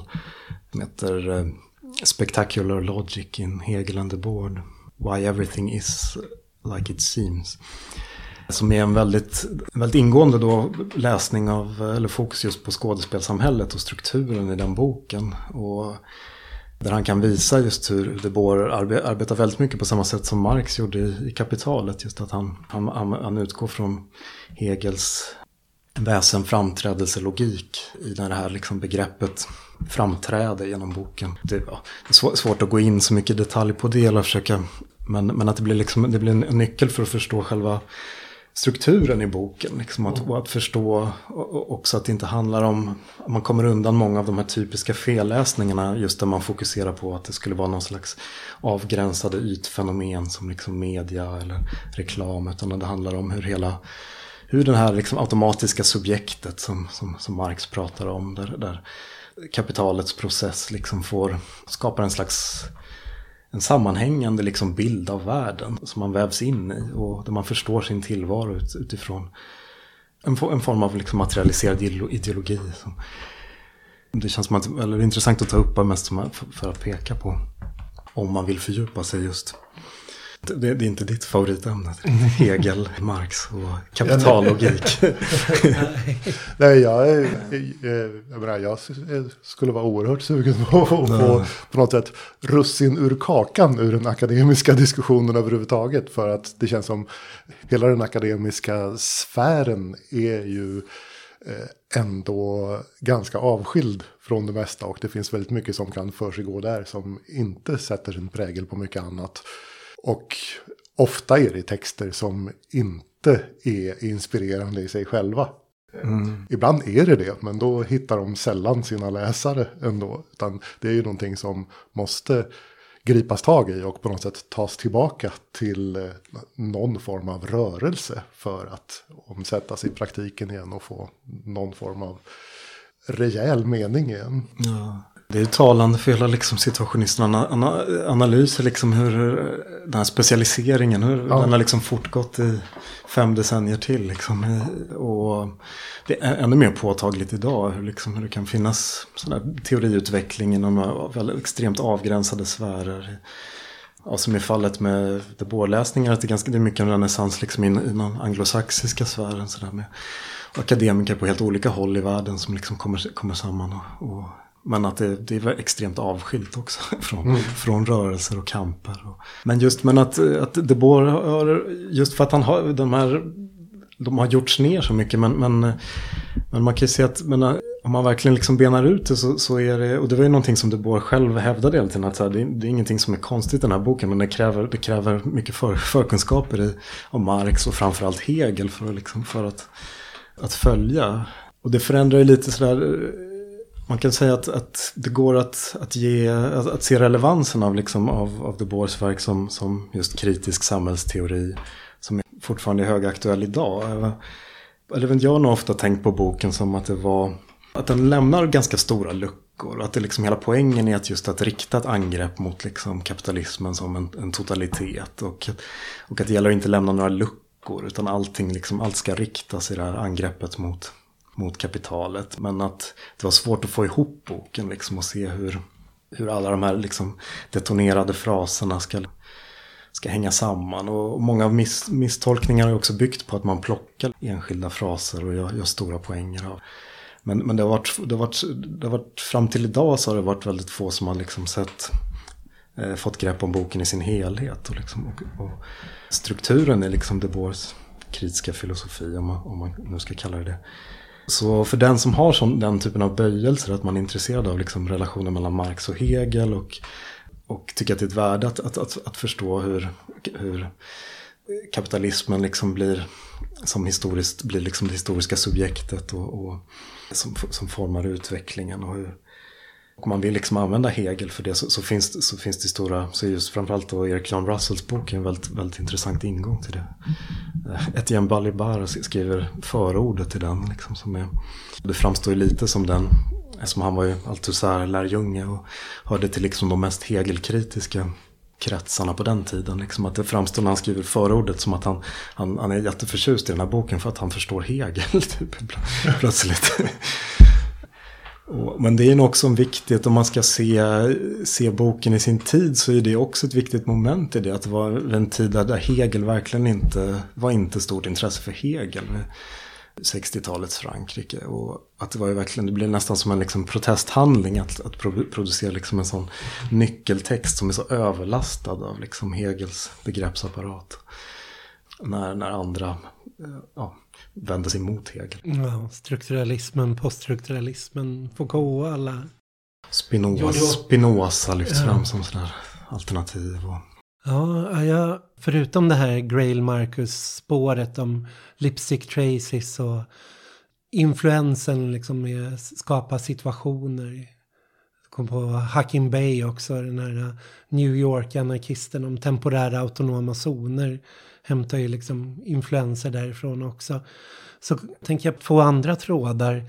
Jag läste nu inför det här poddandet eh, så läste jag en antologi från Italien från tidigt 90-tal där de låter Giorgio Agamben och Paolo Virno och flera skriva texter om Debord's betydelse. Och Debord han, han flyttade ju till Italien. Han hängde ju med Agamben. Agamben var ju väldigt ung och liksom uppvaktade honom och skrev brev till honom och liksom ville träffa och liksom influerades av hans skrifter liksom i sina... Jag tyckte det var intressant att läsa för Paolo Virno det är ju en i kretsen kring eh, Negri och eh, medan Agamben har ju snarare fått sin följarskara i den här tidskriften Tikon och Osynliga kommittén och det som kom runt millennieskiftet i Frankrike liksom, och är fortfarande verksamma idag. De, de drar ju två olika växlar på skådespelsamhället. Så här, att för Virno och även Negri, när de refererar till The Board så är det här bara... De sätter ju in skådespelsamhället i någon slags en periodisering. Att det här är... När Fordismen kommer så ser man att det har produktionen, i produktionen så har det inte bara gått från en formell underordning, det vill säga att du har bara satt allt arbete under samma tak och enda sätt att producera mer är att förlänga arbetsdagen, till en reell underordning där arbetsprocessen underordnas värdeskapande processen så att du börjar ändra hur du producerar, liksom förändra både med maskiner eller liksom med olika managementtekniker eller mäta hur mycket arbetsmoment har. Så att du förändrar hela liksom så att du rejält underordnar produktionen. Sen hur det där från i produktionen så har det skett en rejäl underordning av hela samhället. Först som formellt att mer och mer har indragits blivit arbete, att arbe tagits in i arbetet i samhället och sen hur liksom de här värdeskapande processerna kommer att omvandla det i samhället. Så att, så att, att konsumera, att eh, dina begär, dina behov, liksom reproduktionen kommer att bli produktiv på olika sätt. Och där kopplar ju då Virno och Negri, det här liksom skådespelsamhället är ett av de momenten liksom av en eh, reell subsumption, en reell underordning av samhället och där de läser in då det immateriella arbetet får en allt mer betydande roll. Liksom, det vill säga skapandet av relationer, affekter, eh, känslor, språk, kunskap blir betydligt viktigare för produktionen och det också då förändrar varuskådespelsamhället för alltså skådespelsamhället bara från att vara någonting transcendent, parasitärt utan att det kommer också få en betydligt mer produktiv roll hos Virno. Det är liksom... Ja men visst, jag menar, i bästa mm. fall är ju det där en eh, empirisk fördjupning av eh, skådespelssamhällesteorin överhuvudtaget. Ja. Där det fanns en hel del glapp därför att De Boer inte var speciellt intresserad av att utveckla det på den nivån. Utan liksom, det är kopplare till liksom, verkliga mekanismer i den samhälleliga organiseringen. Men jag tror det, det finns stora, liksom, stora möjligheter liksom, de senaste att använda situa eller situationisternas teorier och, och, och förena dem med andra perspektiv. Och liksom andra också då i både i relation till liksom nyläsningar av Marx och andra, andra traditioner i så det är så format mycket av liksom separationen mellan länderna också vid den här tiden. Ja. Att det är alltså, klyftan mellan Frankrike och Tyskland som är blir så påtaglig. Det finns, man kan ju se så mycket paralleller i, i eh, De Boer situationisternas idéer till, till liksom vad som hände i Tyskland och med Frankfurtskolans kritiska teori och framförallt sådär till de mer radikala efterföljarna. Mm. Det hade varit, jag har bara tänkt på att så det skulle varit fantastiskt om sådär om om De Boer hade träffat den, eh, den mest radikala av Adornos lärjungar, Hans-Jörgen Kral, som, mm. som var ledande liksom, i stu, tyska studentrörelsen. Ja, det var, blev ett stickspår. ja, nej, men det, den typen av stickspår kan vara väldigt relevant. Jag tänkte på ett annat stickspår då, som också ja. kom in på det här med motsättningar mellan länder. När vi pratar om, jag, menar, jag har inte jättemycket koll på vare sig samtida och nyliga politiska grupper runt om eller på den eh, eh, akademiska diskussionen. Utan jag vill hela tiden understryka just här hur tillgängligt det här ändå kan vara som inspirationskälla för vem som helst. Och för liksom de, de allra minsta rörelserna som uppstår liksom i kompisgäng och den typen av, av konstellationer också. Och att just det här som eh, inspiration till uppbrott och som en påminnelse om att det, det är faktiskt väldigt mycket som man går med på hela tiden som man kan bryta mot och liksom eh, skapa en massa desorientering och en massa dynamik som kan bli fruktbar. Och mm. just det här eh, återupptäckandet liksom på de mest eh, perifera håll är det som jag tycker är allra intressantast. Och då kom jag in på det här med psykogeografi. Det är ju, I Sverige har vi ju ganska lätt att diskutera det begreppet därför att det inte är ha, inte har lyfts upp speciellt mycket i eh, sådär, eh, olika populära eh, eller poppiga sfärer. Medan i den engelskspråkiga världen så har det ju det i många fall. Men även där eh, upplever jag en väldigt stor skillnad mellan hur det ser ut på den brittiska scenen och hur det ser ut på den amerikanska scenen. Där. Att I Storbritannien är det ju väldigt mycket just där popradikala teoretiker. Eh, sådana här som är verkligen radikal chic som där plockar upp och skapar sig ett eget kändisskap på att bolla med radikala teorier och omsätta dem i andra medier. Som, menar, ibland kan ju det också ha radikala följder förstås, men framförallt så är det ju ett sätt för dem att bygga upp sitt eget kändisskap. Och där är det ju många som har plockat upp just det här med psykogeografi som en väsentligt moment i det. Medan i USA, det kanske bara beror på kunskapsbrist, men där har inte jag sett mycket sånt. Men däremot är det istället så att man bara råkar börja prata med ungdomar på internet som, ja men, vi, vi i våran småstad här har vi skittråkigt så vi har startat en liten psykogeografisk grupp liksom och går omkring och sådär, går där vi inte får gå och utforskar saker. Liksom, så att där, det verkar mycket mer som det är en gräsrotsaktivitet där.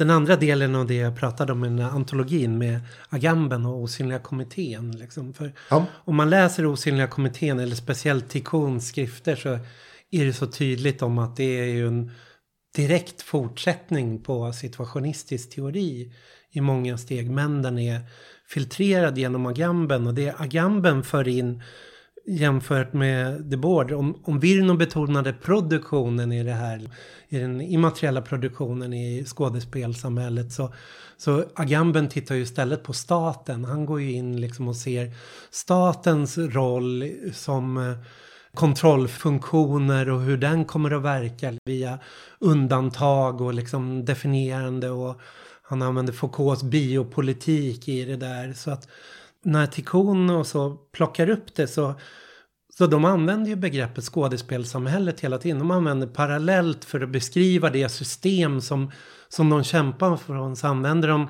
skådespelsamhället, biomakten eller imperiet som de, de tre begreppet. Liksom. Imperiet tagen från Guattari Negri-traditionen.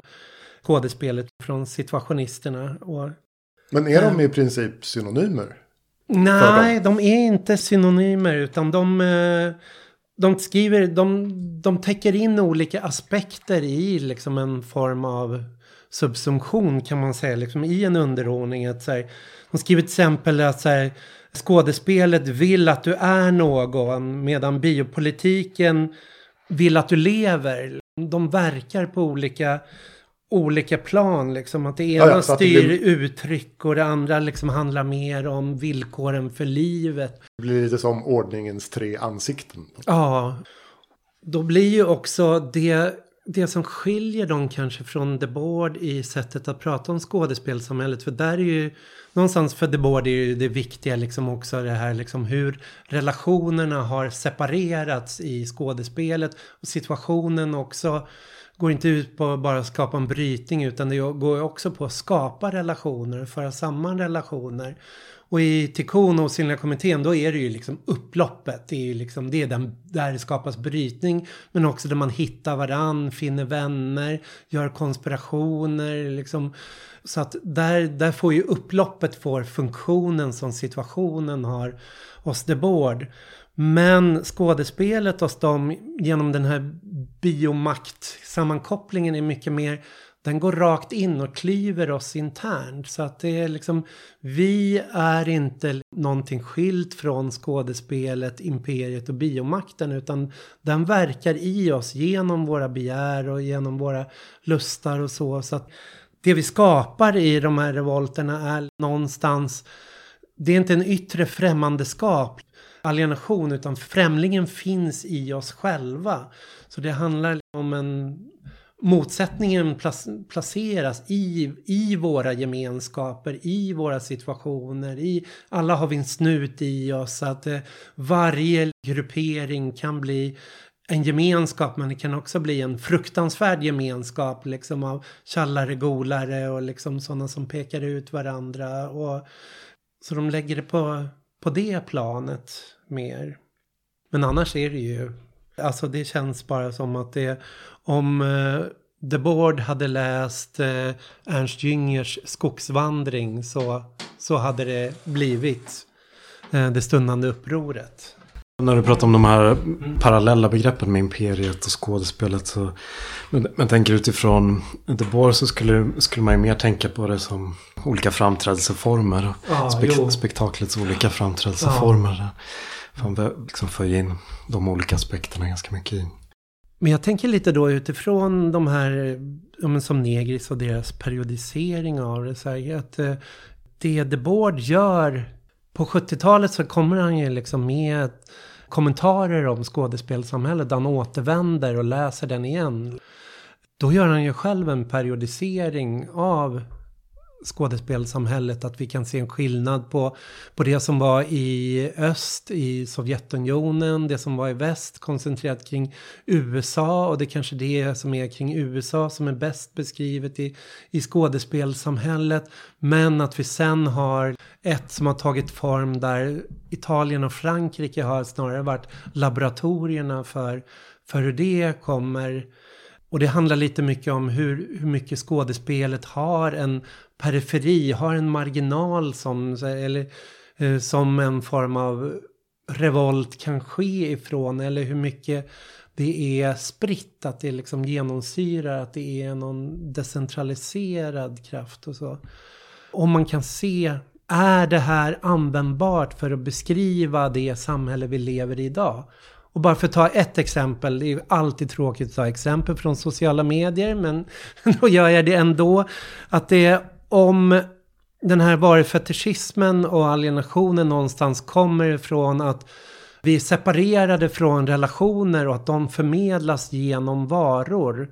Så det till exempel ett företag som Facebook eller Tinder gör är ju att försöka sälja relationer, att du ska upprätta relationer med andra personer. Så att det är relationerna som du går in och söker där och varuformen är ju snarare dold. Att du märker inte hur, hur det monetariseras eller liksom vad som säljs till dig. Det, det är inte det uppenbara. Så att där har det nästan den där formen vänt. Och, eller vi kan ta en form av eh, live-rollspel eller som, eh, eller olika former av eh, nätspel, kulturer som bygger väldigt mycket på deltagande. Det bygger på att du sitter på Discord kanaler och chattar med dem. Du, du köper ditt spel men genom spelet så direkt sätts du i ett sammanhang där det blir liksom som en, som en egen värld där du har de här relationerna. Så att det, relationsskapandet har ju någonstans blivit så mycket mer centralt i vår eh, dagens kapitalism. Och jag, bara ett sista exempel. Jag kollade klart på det här The Book of Boba Fett, den senaste Star Wars-serien nu som har varit. Där Star Wars kan ses som en så här 70-tals Star Wars var en av de första filmerna som riktigt började med det här med merchandise, att du skulle kunna köpa allting du såg i filmen som modeller eller figurer och leka med dig själv. Det liksom bara exploderade av varor utifrån filmen. Och nu har vi en rad regissörer som har växt upp sett de där filmerna och sen lekt med de där figurerna och lekt sig in i de där världarna. Så att de här nya tv-serierna som går på, på Disney, för att filmerna har snarare varit så här, där har du bara valt att bygga vidare på det här. Vi måste så här, åka med rymdskepp genom så många världar som möjligt. Liksom. Var tionde minut måste du se en ny planet, nya, nya eh, främmande livsformer, nya former av krafter, nya monster. Så här. Men tv-serien har snarare byggt på en sån nostalgisk tillbakablick. Att det är de här, äh, de som har suttit och lekt i de här världarna och lekt i, med de här varelserna och haft figurerna. Hur marginell sidofigur de har än varit som som Boba Fett som bara liksom är med några minuter i filmen och är en rätt misslyckad karaktär. Tänk på att det är så samma band från Tatooine som är, spelar på Ja, det är samma band och det går. Men den där figuren har ju alla barn lekt med oändliga lekar. Så han har ju levt mycket mer i lekarna än han har levt i filmerna.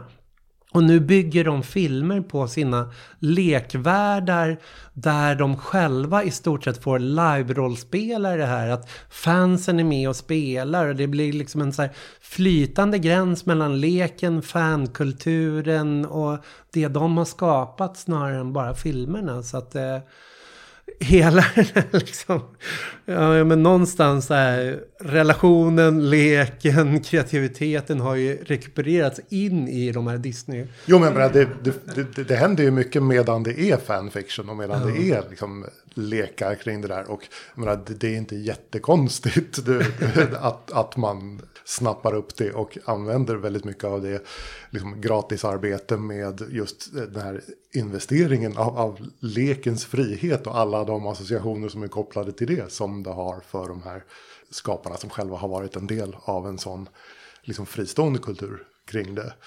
Men vad blir kvar av radikala strategier då från situationisterna om vi skapa situationer, detonera liksom popkultur eller upprätta de här relationerna som vi kan skapa. Liksom, om allt det redan är centralt i dagens kapitalism, att själva skapa sådana former. Liksom. Snarare än när Debord skrev skådespelsamhället då det inte var det. Det har mest bara gått längre och längre, liksom att alla, alla sfärer blir påverkas av samma, samma logik. Och Även om man är så här strikt, någon mer traditionell marxistisk perspektiv, att man, kan, att man skiljer på liksom att, att vara är något väldigt specifikt och man, man pratar om produktivt arbete och det är liksom vissa saker som är varor och andra saker är det inte. Men, men en nyckel i, liksom i hela den här dynamiken är att eh, genom penningen så kan liksom allting relateras till de här varorna och, och värderas på samma sätt. Och, och det är väl det, det, samma utveckling som har fortsatt under de här senaste decennierna. Att, att det är bara allt mer saker som vi värderar, värderar utifrån spektaklets premisser någonstans. Att det är till och med alla, alla sociala relationer eller liksom aktiviteter som vi håller på med har vi liksom själva någon slags de är värdefulla för att de är, att de är mätbara i pengar eller liksom framgången. Ja, men det är klart att det är mer och mer som koloniseras. Ja. Och, mm. och att det på många sätt blir mer och mer deprimerande. Så om man då skulle lyfta fram någonting på, eller utifrån situationisterna som möjlighet så är det ju att, det liksom att i, i, i kontrast till liksom med traditionella vänsterperspektiv så har man liksom inte en, en, samma typ av teori om, en, om, om eh, klasskampens förutsättningar och att mm. man ska nå en speciell utan en, eh, vilket många pekat på som en svaghet då, men att det, den revolution de såg på 50 och 60-talet var ju liksom grundad i just, just den eh, just i alienationen och, och att eh, ja, det omänskliga i det här i det nya samhället som växte fram. Att det, liksom, att det måste generera en mot, motreaktion. Ja. På det sättet. Så, så, så utifrån, utifrån det perspektivet så är det liksom inte hopplöst på det sättet. Då, det, då, då, det, då, har man alla, alla sina förhoppningar just i, i, i en eskalerande klasskamp grundad i, grundad i liksom klassmotsättningar så, så ser det nästan svårare ut idag. Mm. I kommentarer till skådespelarsamhället så finns det ju en intressant tråd som man kan dra i det när han pratar om hur just det integrerade skådespelet som mm. växer fram då i samband med, med liksom Sovjet, Sovjet och öststaternas fall. Och, och där, där, där liksom den här specialiseringen och, och liksom spektaklets logik börjar bli allt mer liksom påtaglig även inom, inom den avgränsade politikens område. Och att han pratar om, han tänker sig att, eh, vilket man, jag tycker man kan se sådana tendenser, att, att, att man att det politiska styret förlorar sin egen kapacitet till liksom strategiskt tänkande och liksom att föra en politik som kontrollerar samhället och, och möjliggör liksom den, ekonomiska utvecklingen. Utan hela liksom det politiska spelet dras in i samma, samma logik. Och, och att det blir och att det skapar, gör liksom staterna svagare och försämrar, försämrar deras möjligheter att, att slå ner på liksom uppror och, och mm. rörelser. Vilket, ja, men, så här, det finns ju inget, inte ont om liksom dagsaktuella exempel på politiker som är helt förlorade i, i det här spelet. Vi är inne på ett, annat, på ett antal olika spår här. Ja, men jag tänkte det blir, blir konstigt om jag eh, bara sa att det är mer och mer som dras in i varuform. Och blir mer och mer deprimerande. Och det eh, är allt jag säger. jag vill eh, då passa på att knyta an till ett begrepp som vi har använt flera gånger men utan att någonsin introducera i diskussionen är ju rekuperation. Att det är på något sätt skådespelets mekanism att eh, göra ideologi av någonting som, som uppstår spontant och integrerar i skådespelsamhället. Men, och det är ju också liksom på något sätt ganska självklart och det behöver man ju egentligen inte en särskild ny term för och inte någon avancerad teori för.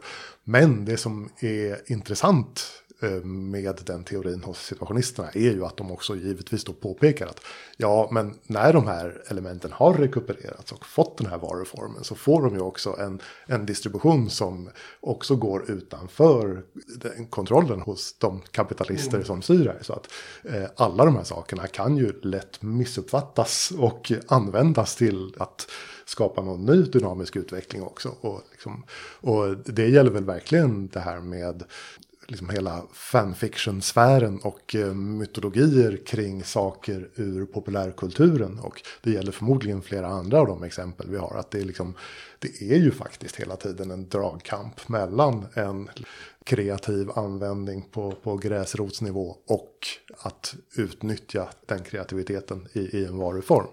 Det, det går ju verkligen fram och tillbaka hela tiden och det mesta är ju på något sätt oavgjort. Även om det är så att ena sidan naturligtvis har väldigt mycket mera resurser. Men den andra sidan har också väldigt mycket mera vad ska man säga, resiliens och kommer ständigt tillbaka. Ja, men det blir liksom, detournement blir liksom en motkraft på det sättet att det är just att om man ser att, att, att språket, det, det, finns en frihet i språket. Att det liksom, även om idéer kan frysas så blir liksom ideologi och men det går alltid att, att, att texterna kan alltid få nytt liv. Och ja. det, det, går att liksom, de kan detoneras. Och...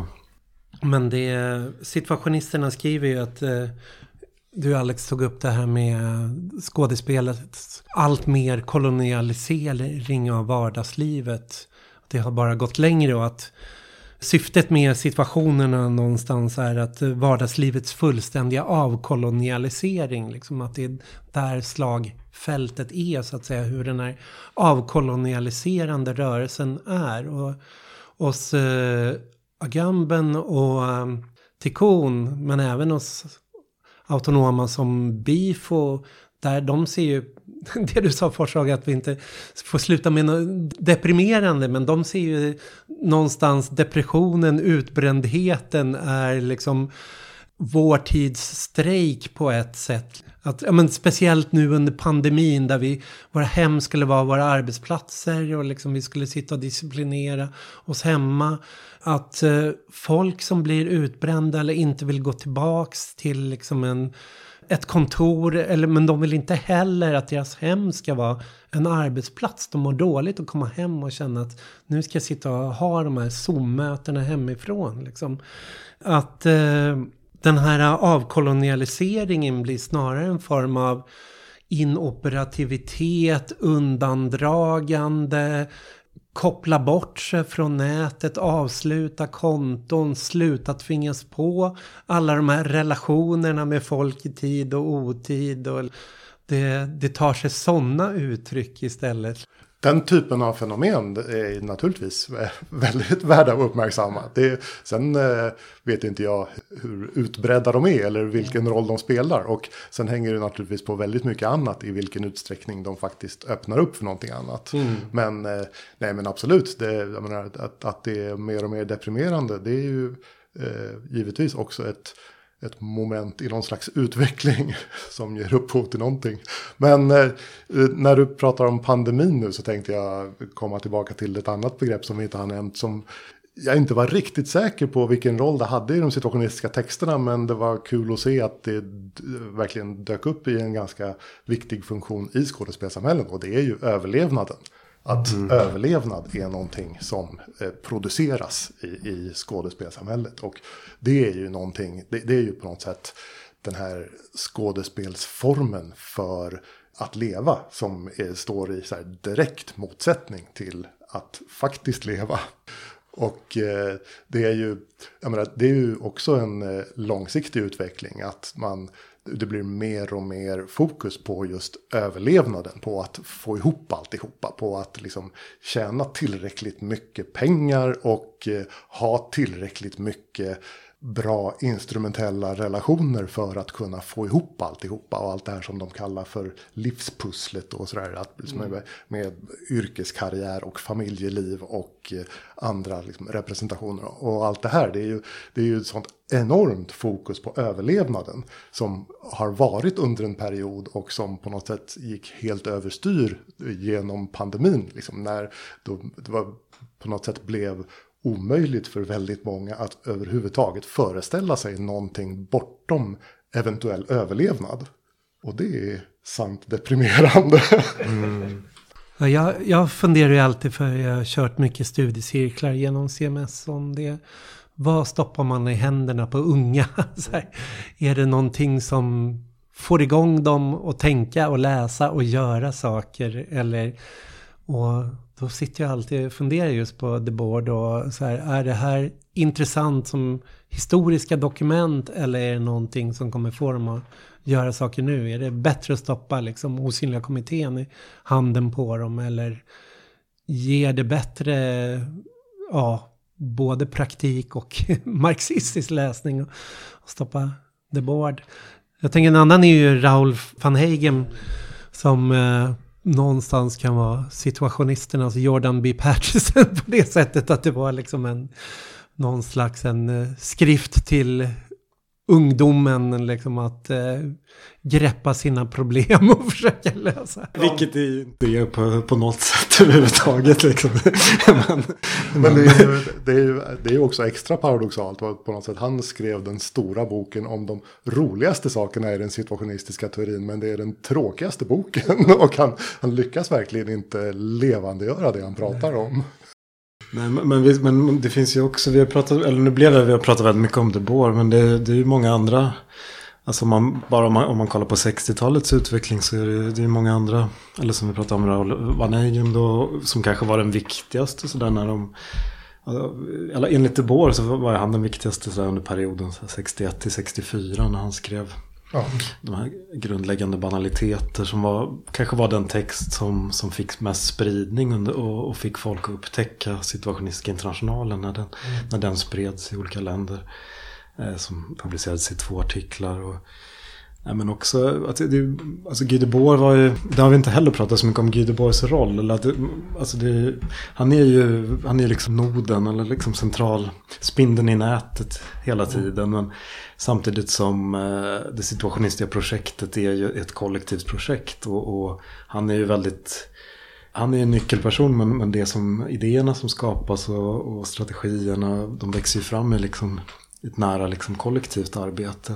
Han är ju väldigt mån om att avgränsa det här kollektivet ja, hela tiden. Ja visst, ja, och, och, och, och han tar, men samtidigt på både, både och att han, han ska också vara den som, eh, som ofta sammanfattade de här gemensamma diskussionerna till. Som ja, ja, kunde och, bli, sådär, bli artiklar. Och hitta och, snappa upp och försöka ja, dra in. Men han, var ju, han, hade ju en, han hade ju en nyckelfunktion där hela tiden. Att han, I och med att han redigerade tidskriften hela tiden. Och, och ja.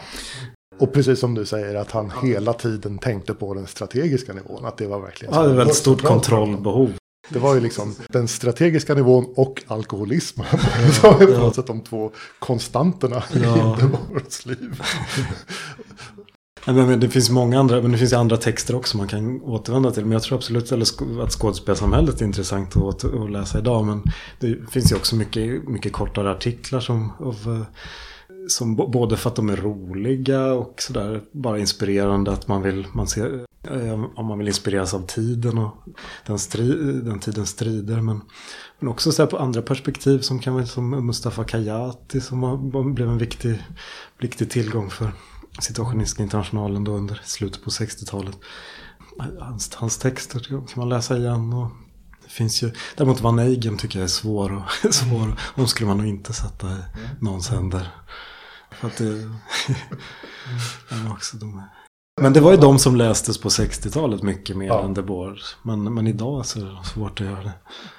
En annan sak som vi inte kom in på och som skulle kunna vara inspirerande för att det relaterar till en annan miljö och en annan eh, del av ens egen erfarenhet är ju just de här eh, svenska tillämpningarna eh, med Gyllene flottan och allt det där. Det kom vi aldrig in på. Nej, jag, Nej, de här texterna gavs ju ut i en massa pamfletter och fick spridning i ja. speciellt den frihetliga vänstern på och de texterna 60, är ju ofta väldigt roliga också. Ja. Ja, nej, men jag tror kanske varje rörelse behöver det. Liksom ett gäng anarkistiska vildhjärnor som producerar vilda tankar och också gör en massa saker. Men sen någon marxistisk strateg, alkoholiserad strateg som sitter och summerar det i, i liksom strategiska dokument och ger någon riktning. Men, men det, jag tycker det är oundvikligt att man fokuserar mest på De Boer när man pratar om situationistiska idéer. Och det är också på något sätt, det är också väldigt viktigt att understryka att även om han var just här teoretiker helt och hållet så var han en teoretiker som var i fokus av en rörelse. Och att liksom, han var mm. inte liksom, någon fristående filur som satt och grubblade ensam på landsbygden. Mm. Och han satt inte på ett universitet någonstans och liksom försökte stoppa in Nej, där i ett sånt institutionellt sammanhang. Nej, men det var verkligen han tänkte, tänkte på liksom, i baren, på vandringarna runt ja. städerna. Och, mm. Han var ju beroende av liksom, att hålla samman den här kretsen runt hela tiden. Mm. Michel Bernstein var nog väldigt viktig också. Så där under både under första fasen och Absolut. tidigare, eller under 60-talet. Som, även om hon fick liksom en lite sådär traditionell kvinnoroll i, i att hon var hon, hon, som satt och skrev för maskin alla texterna. liksom. och, Laga mat. Men, men, hade liksom hade ett stort inflytande över eller vad, vad, vad folk har vittnat om liksom i, i diskussionerna. Och, hon som tydligt, liksom, ska ha gjort, tydligt, eh, tidigt gjort klart liksom, att, det, att, man, man, att man vände sig mot att det inte kunde finnas någon situationism. Liksom, att det, mm. Som hon gjorde klart tidigt skede av utvecklingen. Ja, nej, men jag får tacka. Den här diskussionen kan vi fortsätta hur länge som helst. För att ja. det ju, finns massor med spår att gå vidare på. Men det, det är det roliga att göra en serie poddar. Att man, man kan alltid plocka upp tråden när man vill senare. Mm. Får tacka er båda så jättemycket. Tack själv. Tack.